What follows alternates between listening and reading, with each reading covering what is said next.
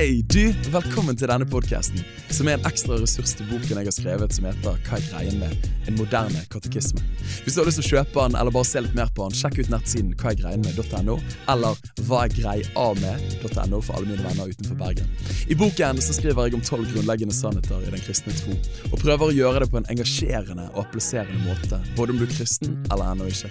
Alt med det mål om å øke vår forståelse av troen, som styrker vårt fundament i livet og hjelper oss i formidlingen til andre. Min lidenskapelige overbevisning er at bibelsk Gud, som vi ble kjent med gjennom Jesus Kristus, er definisjonen av kjærlighet og sannhet. Hans vilje er dermed det beste for oss. Vi trenger derfor å lære troen. Så la oss komme i gang.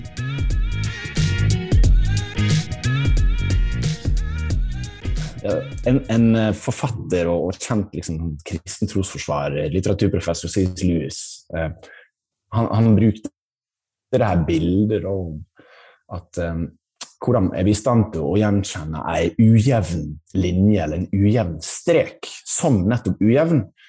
Uh, og så påpeker han det, og, det var viktig som del av hans omvendelse til å bli en kristen. Jo, fordi det finnes ei rett linje, er vi i stand til å gjenkjenne ei ujevn linje. Og, og sånn tenker vi også om moral. Det finnes fordi Gud finnes, og vi finner god moral i Guds vesen, i hans natur.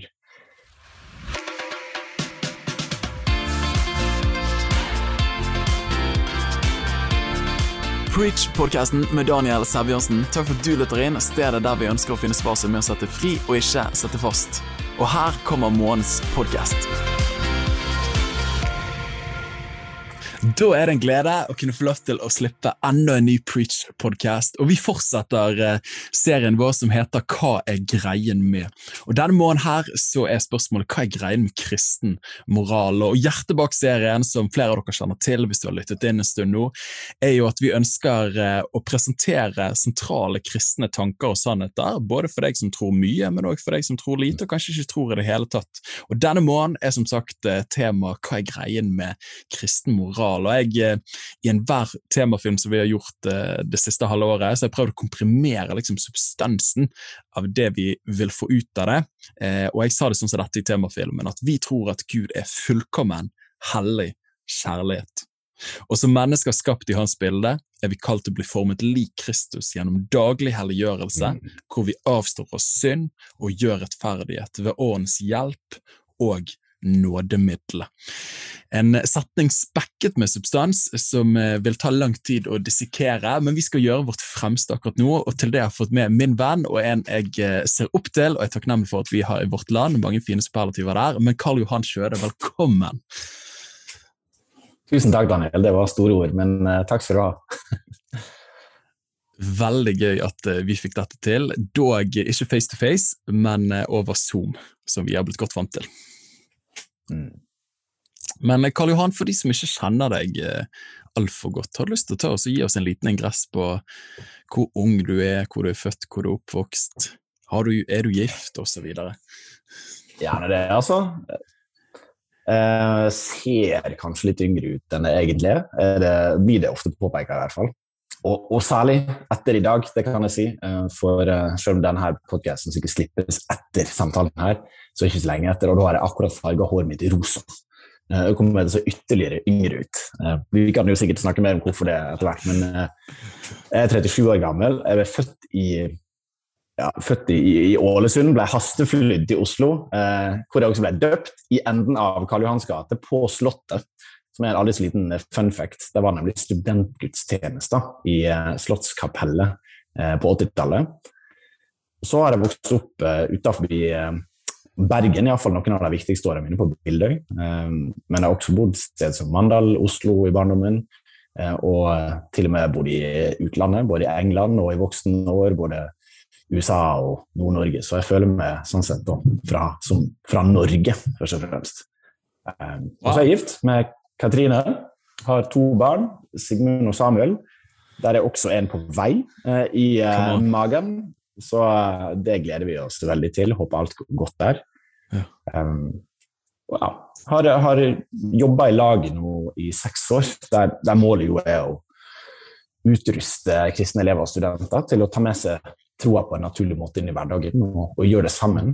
Og samtidig invitere folk til å finne ut mer om hva er det vi tror på for noe.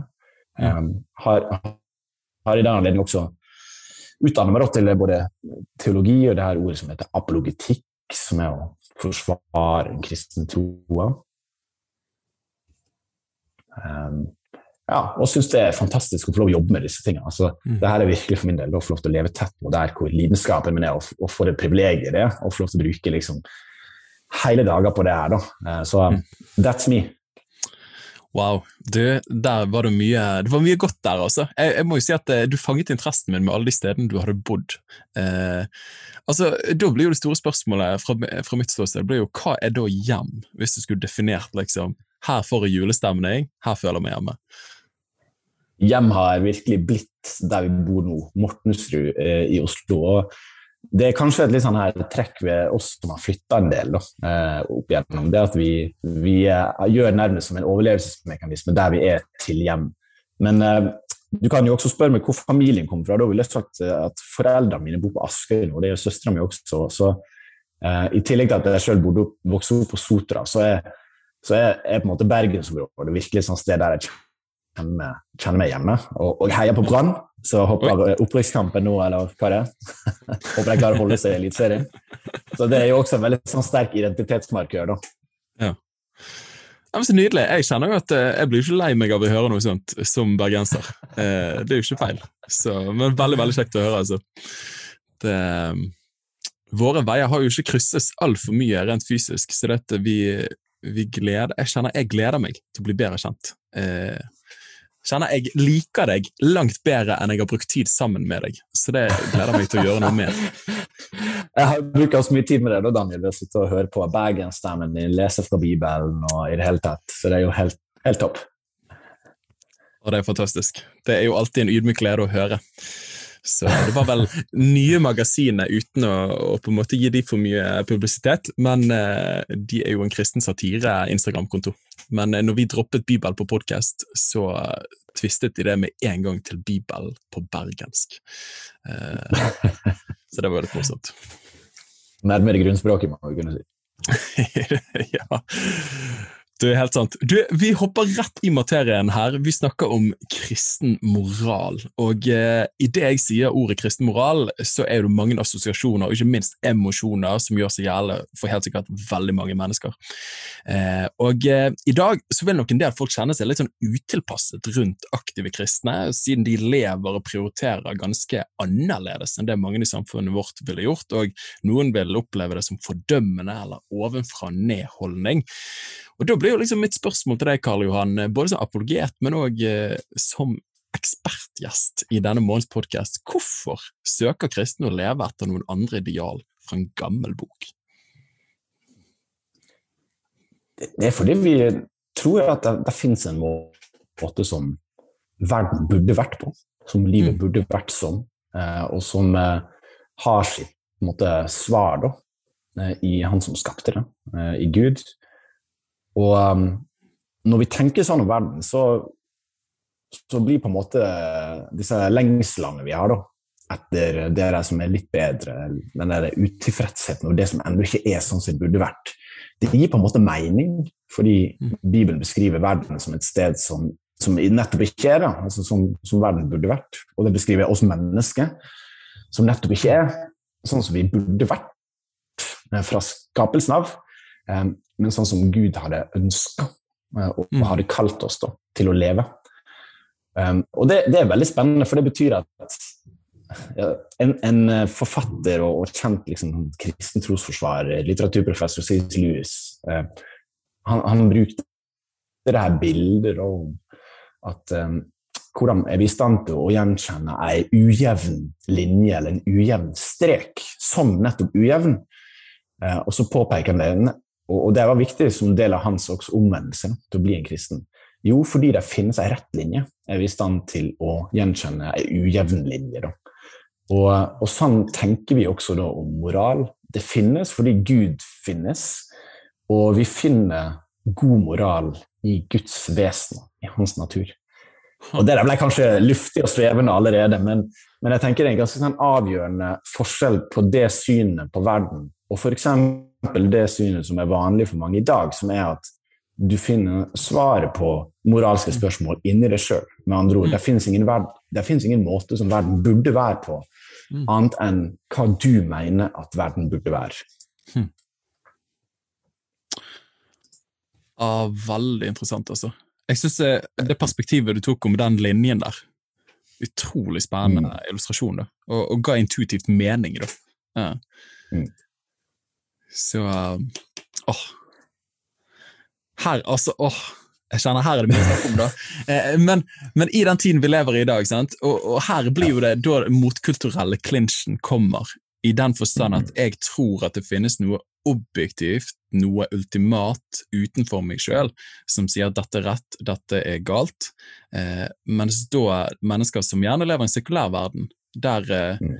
eh, Nå nerdet vi om noen bøker rett før vi begynte å lese her, eh, og nå, Mm. nå nerder jeg ved å bare si navnet på den boken, eh, men er Rise and Triumph of the Modern Self av en som heter Carl Truman. Eh, men han påpeker det at når Darwin kommer som vitenskapsmann, så er ikke han først og fremst filosof. Men han sier at det finnes ikke en mening bak den skapte materien, men det er naturlig seleksjon. Og hvis da alt er Mm. tilfeldig seleksjon, eh, så betyr jo det da at det ikke kan finnes en objektiv standard for rett og galt, for vi er jo et lykketreff. Eh, Mm. Vil du bare prøve å si noe inn mot liksom, verdenssynet som liksom kolliderer litt der? Ja, og, og der er mye å si om det, og, og det er vanskelig å fange liksom, alle nyanser i det. Fordi, for det første, da, med tanke på det du sa om Rise and Triumph, der han jo snakker om liksom eh, expressive individualism. Altså, det at, det at hvert enkelt menneske ikke bare finner sannheten i seg sjøl, men er forplikta overfor seg sjøl til å uttrykke den overfor alle andre. Og vi er forplikta til å akseptere den. Um, det er på en måte I det verdenssynet så ligger det ganske mye moral og ganske mange krav til um, hvordan verden burde sett ut. Altså, um, og, og, du finnes, finner i på en måte vår generasjon da, et ganske sterkt moralsk anliggende opprør, egentlig. Enten det handler om eh, Black Lives Matter eller det handler om LHGBTI-bevegelsen. Altså, du, finner sånn her, du finner et moralsk opprør på vegne av de som er svake og har vært undertrykt, for å gjenopprette deres rettferdighet. Mm. Som eh, på veldig mange måter forteller meg at jeg tror de aller fleste mennesker, selv om de ikke nødvendigvis vet helt hvor de skal gå for å finne det, tenker om at det finnes en måte verden burde vært på. Ja. Og, eh, og så har du selvfølgelig også det som kanskje kommer mer til uttrykk da, i, i, en eller annen form for såkalt naturalisme. Da. Eh, En sånn her, en sånn her materiell naturalisme der en tenker at verden består bare av det fysiske og det materielle. Der er bare tilfeldigheter i spill som har ledet fram til at vi sitter her og snakker sammen nå. Og, og faktisk talt i den samtalen vår, så er det, det, det er bare tilfeldigheter og den sterkestes overlevelse som er bakteppet for samtalen vår. Eh, ergo burde ikke noen lytte til eller ta på alvor det vi sier, fordi at det henger ikke sammen med en evne til å resonnere eller tenke eller vurdere verden objektivt med utgangspunkt i Gud, men det er bare det er bare våre biologiske kropper som beveger seg på en måte som lager lyd. Sant? Så det er verken, verken sjela fins, moralen fins ikke, det fins ingen mening og det fins ingen verdi utover at vi individuelt sett kan bli enige om at vi later som om det fins. Ja. Um, og, og, det er på mange måter uh, svaret også på en slags sekulær humanisme. Uh, uh, en verdi, et verdisyn og et moralsyn som er forankra i hva vi i felles da, som mennesker blir enige om at er godt for oss, og som får oss til å blomstre. Mm. Så da for å prøve å liksom parafrasere, så det er en, en, moral i dag, hvis man lever da som et menneske uten Gud, så handler det ofte om at vi som, enten som FN eller som eh, grupp, folkegrupper og nasjoner, vi blir enige om at dette er sant og dette er godt, eh, og så holder vi dette for eh, sånn ønsker vi å leve, mens den kristne kommer da inn og sier at her finnes det en utenommenneskelig åpenbaring på hva som er rett og godt og sant, eh, og det føler vi forpliktet til å leve på. Eh, mm. noe, noe langs de linjene der? Ja, helt klart. Og, og, nå er du inne på et spesielt uh, interessant emne, syns jeg. Og det er jo La oss si vi blir enige om at det finnes en måte verden burde vært på. Um, mm. Så er jo spørsmålet hvordan får vi tak i den? Altså, hvordan, hvordan, finner vi malen? Hvordan finner vi svaret? Hva er gode kilder til kunnskap om god moral? Uh, og der vil jo alltid kristne mene at Gud er den beste kilden. Uh, og så vil en være litt uenig om hva en vektlegger som hvordan Gud har åpenbart seg for oss, og altså vist, vist det her for oss. Men, men alle kristne vil jo tilskrive f.eks. Bibelen da, en viss verdi. Mm. Um, de aller fleste vil tilskrive Bibelen en, en kjempehøy verdi, fordi mm. at nettopp gjennom Bibelen så får vi liksom den kristne fortellinga, og ikke minst da, vi får møte den personen som er roteringspunktet i hele forståelsen av kristen tro, nemlig Jesus Kristus, sant? som vi mm. har oppkalt tidsregninga vår etter. Så når jeg sier at jeg er født i 1984, så er det 1984 år etter nettopp den personen her. Så viktig og så sentral er han i vår forståelse av virkeligheten i Vesten. Og, og Tom Holland, for å nevne en annen bok, som skrev boka 'Dominion', eh, en forfatter som for øvrig har utgitt mange interessante bøker, og som er historiker, og, og som besøkte Norge nå i høst, han sier jo det f.eks. om FNs menneskerettigheter, da, som er en sånn kilde som veldig mange som ikke nødvendigvis tror på Gud, men vi er mange som tror på Gud, og som kan vise til at de er viktige og gode. Um, men, men, men, det er på en måte et referansepunkt for veldig mange mennesker som sier ja, sånn burde verden vært. Mm. Nettopp disse menneskerettighetene påpeker Tom Holland, som ikke sjøl er kristen i den forstand at han tror på Jesu oppstandelse osv. Men han sier at det, det er gjennomsyra kristne. Hele menneskerettighetsdokumentet er gjennomsyra av en kristen virkelighetsforståelse og et historiesyn. Og at du kommer ikke unna at også i på det området, da, i tillegg til så vel som hele samfunnet, sier han, så, så har vi på en måte verdier og moral som er gjennomsyra av de kristne ideene om f.eks. å elske sin neste som seg sjøl. Men, men, som han påpeker, og som er et veldig viktig anliggende i kristen tro, så er det omsorgen for de svake. Altså hele tida den omsorgen for de svake. Han, han, han, er fascinerende. Vi kunne sagt mye mer om han, men han, skrev, han er bl.a. kjent for sin forskning på romersk kultur. Og lenge anklagde han kristne for å ha ødelagt denne flotte, vakre kulturen som Romerriket besto av. Um, men det var først da han begynte å studere vår historie og hvordan kristendommen gjennomsyra veldig mye av våre verdisyn, at han innså at romerne verdsatte bare det sterke. Og Hadde det ikke vært for Jesus' inntreden på den globale arenaen, så hadde forsvaret for de svake, som gjennomsyrer så mye av den aktivismen for eksempel, vi ser i verden, hadde aldri funnes. For, for hva, er, hva, er, det å verdsette med det svake, det som ikke klarer å forsvare seg sjøl i et enten materialistisk verdenssyn eller i et romersk verdenssyn? Ingenting. Ja, ja. Så Jesus også er jo bare i sentrum av det her. Wow, wow. Og Jeg elsker at du bringer oss inn på dette. Du hadde et vakkert ord der, men roteringspunktet, var det vel eh, du sa. Men at, at, all kristen moral henter sin kraft og sin inspirasjon og sitt sentrum fra denne personen eh, som gikk i eh, ca. 5000 eh, 300 km unna oss her i Norge, nede i Israel, Judea, Galilea-området for 2000 år siden. Jesus! Eh, og i kristent landskap så pleier vi gjerne å si, eller terminologi, så kaller vi at, at kristen moral det handler jo om helliggjørelse, men som også kalles gjerne Kristuslikhet. Vi, vi, er kalt å bli lik dette roteringspunktet. Men hva er det med Jesu person som eh, Du var jo inne på det, men hva er det med Jesu person, hvis vi bare kan liksom skryte av Jesus, eh, som, som skiller han ut, på en måte, og gjør han til vårt forbilde? Jeg tenker um, en, en, observasjon aller først er når vi i laget som er det å jobbe i, er ute på skoler og studiesteder, og så har vi f.eks. det som kalles Grillen kristen, der klasser kan stille oss alle spørsmål, eller vi møter folk på skepsisuke, eller bare gjennom stand, så, så, er det ganske gjennomgående at folk tenker at kristendommen er en rekke bud, og jeg tror at Bibelen er bokfull av bud. Um, og holdt på å si, Ingenting kunne vært lenger vekk fra sannheten. Det, mm. det, er ikke sant, for det finnes bud i Bibelen. Uh, og, og, Jesus han introduserer jo særlig to bud for å oppsummere alle andre budene, som er at du skal elske Herren i Gud av hele ditt hjerte, hele din sjel og all din forstand. Sånn, det er det første budet Jesus understreker. Andre budet er du skal elske din neste som deg sjøl. Mm. Så er det klart, budene er på mange måter uttrykk for etterfølgelsen. Sånn. Mm. Vi skal bli lik Jesus. Hvordan gjør vi det? Jo, vi gjør det ved å følge Jesus sine fotspor. Altså, han leder ved eksempel. Mm. Og det er jo det spesielle med Jesus, altså som den eneste, kan du si, sånn her eh, religiøse eh, skikkelse blant de store verdensreligionene, så trer jo han inn i verden. Og nå, nå snakker jeg litt sånn religionshistorisk, at han trer inn i verden mm. eh, og påberoper seg å være Guds sønn. Han påberoper seg å være ett med Faderen. Eh, og han påberope seg å dø for hele verdens skyld. han påberoper seg med andre ord å gjøre opp for alt som vi sjøl skulle vært i stand til å gjøre opp for, men å bære byrden av det på sine skuldre. Og så, og så viser Gud seg, da. Eh, ikke bare som liksom den som gjør opp med synden, men som den som seirer og peker på liksom, peker tilbake på sånn som verden burde vært, og sier at sånn vil verden en gang bli. Ja. Ved sin oppstandelse.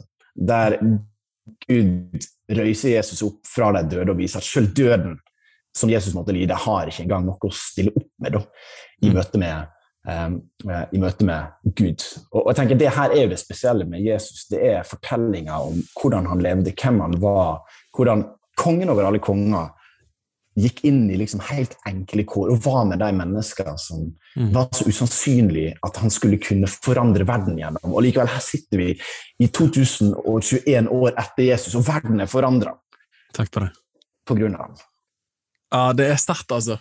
Og det er jeg har hatt gleden av å, å, å lese alfabøkene til Nikki Gamble eh, gjennom tidene, eh, men òg når han bare knekker opp hvem Jesus er, og hvordan han skiller seg ut fra alle slags mulige andre lærere og religionsstiftere, så er det noe med denne personen Jesus som bare verden aldri eh, kommer over. da. Altså, Han har forandret alt, som du har vært inne på flere ganger, både med vår tidsregning, med paradigmene våre, og så mye av det vi holder for sant i vår vestlige eh, kultur.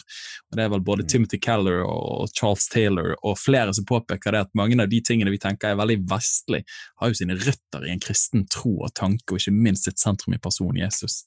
Eh, men vi har gjerne lyst på fruktene uten røttene i dag, eh, som er en, en, stor samtale man kunne hatt. da. Men, men hvis Jesus, da, jeg, jeg, tenker som en som har lest evangeliene og vokst opp i denne bibelboken fra, fra liten, og når du ser hvordan Jesus møter kvinner for eksempel, i sin samtid, eh, som man ikke skulle snakke til hvis man ikke var i familie med dem, og i hvert fall ikke hvis de var syndere, eh, da folk som hadde brutt de moralske budene som var gjeldende i sin samtid. Og så kommer Jesus og møter dem, gir dem nye sjanser, er i berøring med dem, som for oss når vi leser det, tenker ikke vi så mye over det, men idet du forstår hvilken kontekst det skjedde i, så er det bare helt crazy. da. Mm. Hvem denne her Jesusen faktisk er. da. Eh, et så personifisering av selvut, altså selvgivende kjærlighet. da. Eh, men da, Karl Johan, det blir jo et spørsmål som på en måte peker pil litt tilbake til oss. da.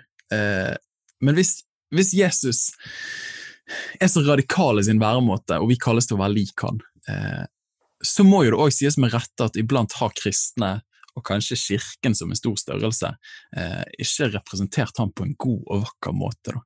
Eh, hva tror du er noe av grunnen til det? At, det blir, at vi ender så langt borte fra han som er idealet vi ønsker å bli lik? Det er et godt spørsmål. Jeg liker tilnærminga som en annen historiker, en som heter John Dixon, hadde til det spørsmålet.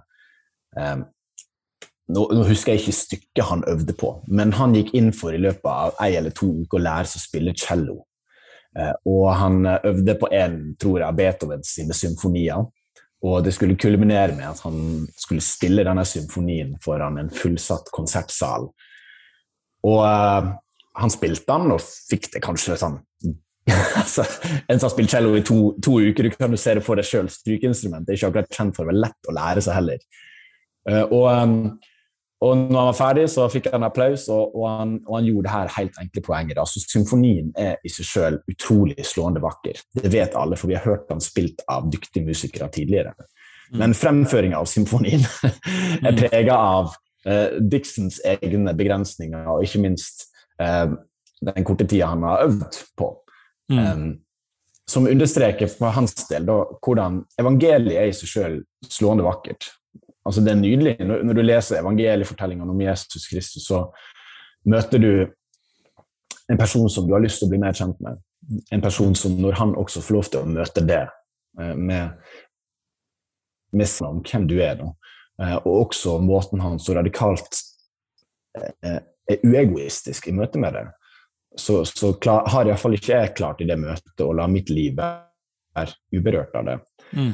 Um, men så kommer det til liksom oppgaver med å prøve å gjenskape det. For Jesus sier til disiplene tre ganger på rad, f.eks. i Markusevangeliet, tre kapittel på rad.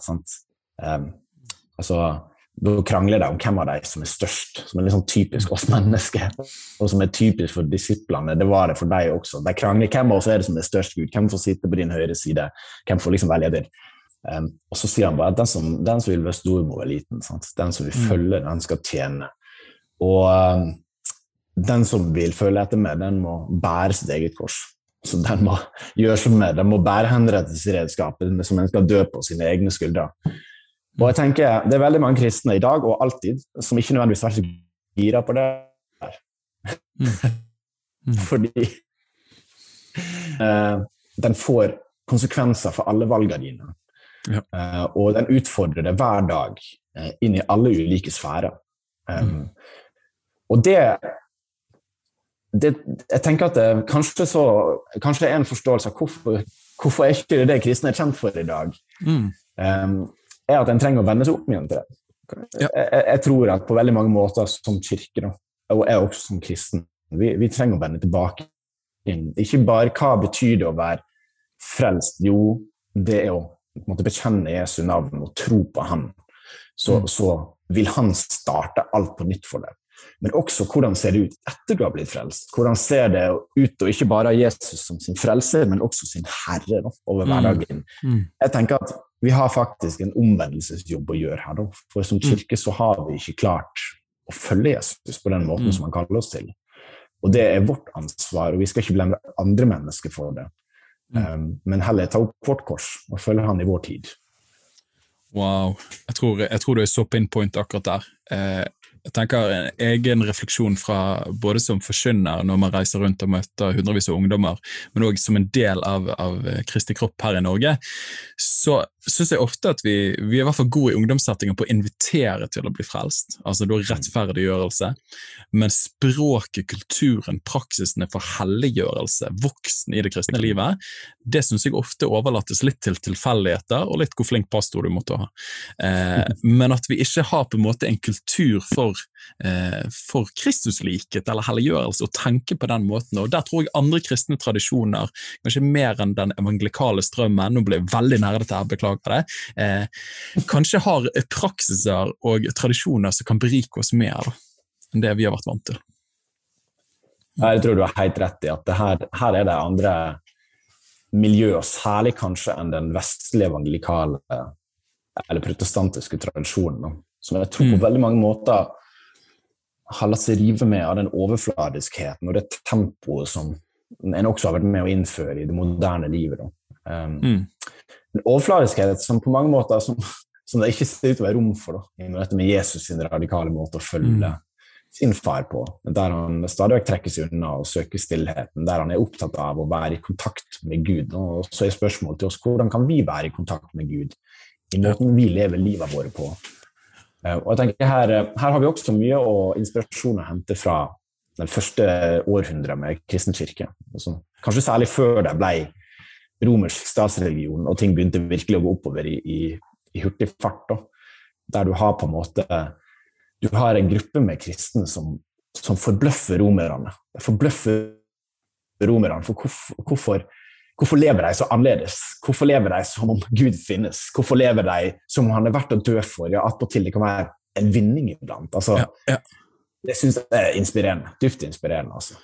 Ja, Helt rått, altså. Og jeg tenker Det er et fantastisk punkt å, å kunne få lov til å lande en spennende samtale om kristen moral eh, og helliggjørelse på. Hvordan kan vi konkret Du sier det, romerne, Romerriket ble jo snudd, ikke fra toppen, men fra grasroten oppover, pga. at folk mm. levde radikalt annerledes i sin samtid. Eh, men hvordan kan vi som sier at vi er kristne, vi ønsker å følge Jesus, hvordan kan vi bli mer lik han? Eh.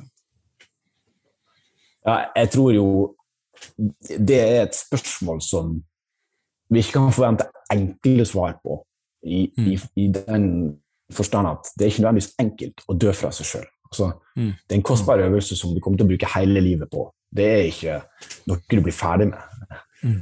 På den andre sida så tror jeg også at det finnes helt enkle ting det er mulig å gjøre da, for å i enda større grad lykkes med at Jesus skal få lov til med sitt fokus og sitt sinnelag å sette retning for hverdagen vår. Um, det kan, det kan være å å våge å være så radikal at en, en legger inn eh, faste bønner. altså, mm. At en ikke overlater alt til det frie, f.eks. Um, det handler definitivt om å være i fellesskap med noen som du tenker at okay, her, her, her, er vi noen som ønsker det samme.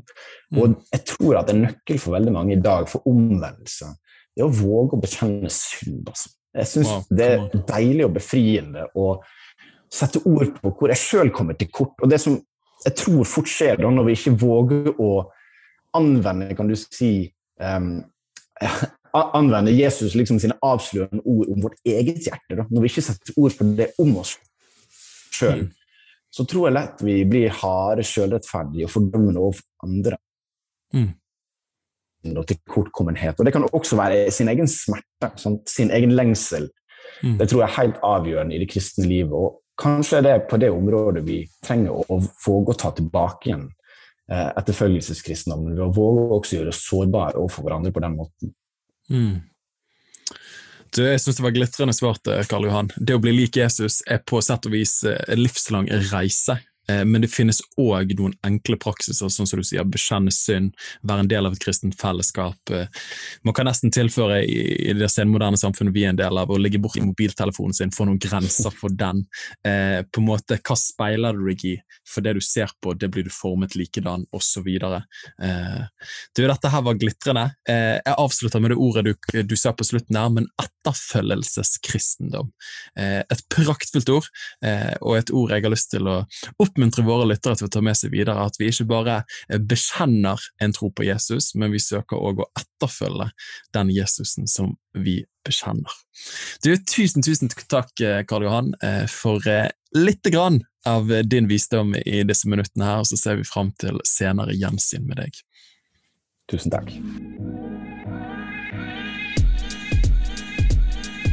En episode er over. Jeg håper du fikk mye ut av den. Hvis du er giret på enda mer, sjekk ut boken på hvaegreienmed.no og andre ressurser som finnes der. Og til slutt har jeg lyst til å dele bibelverset som har vært min drivende motivasjon bak det hele prosjektet, som er Paulus sine ord til Timoteus. Gi nøye akt på deg sjøl og på læren. Fortsett med det, for når du gjør det, skal du frelse både deg sjøl og de som hører deg. 1. Timoteus 4,16. Så la oss lære å leve troen til liv for verden.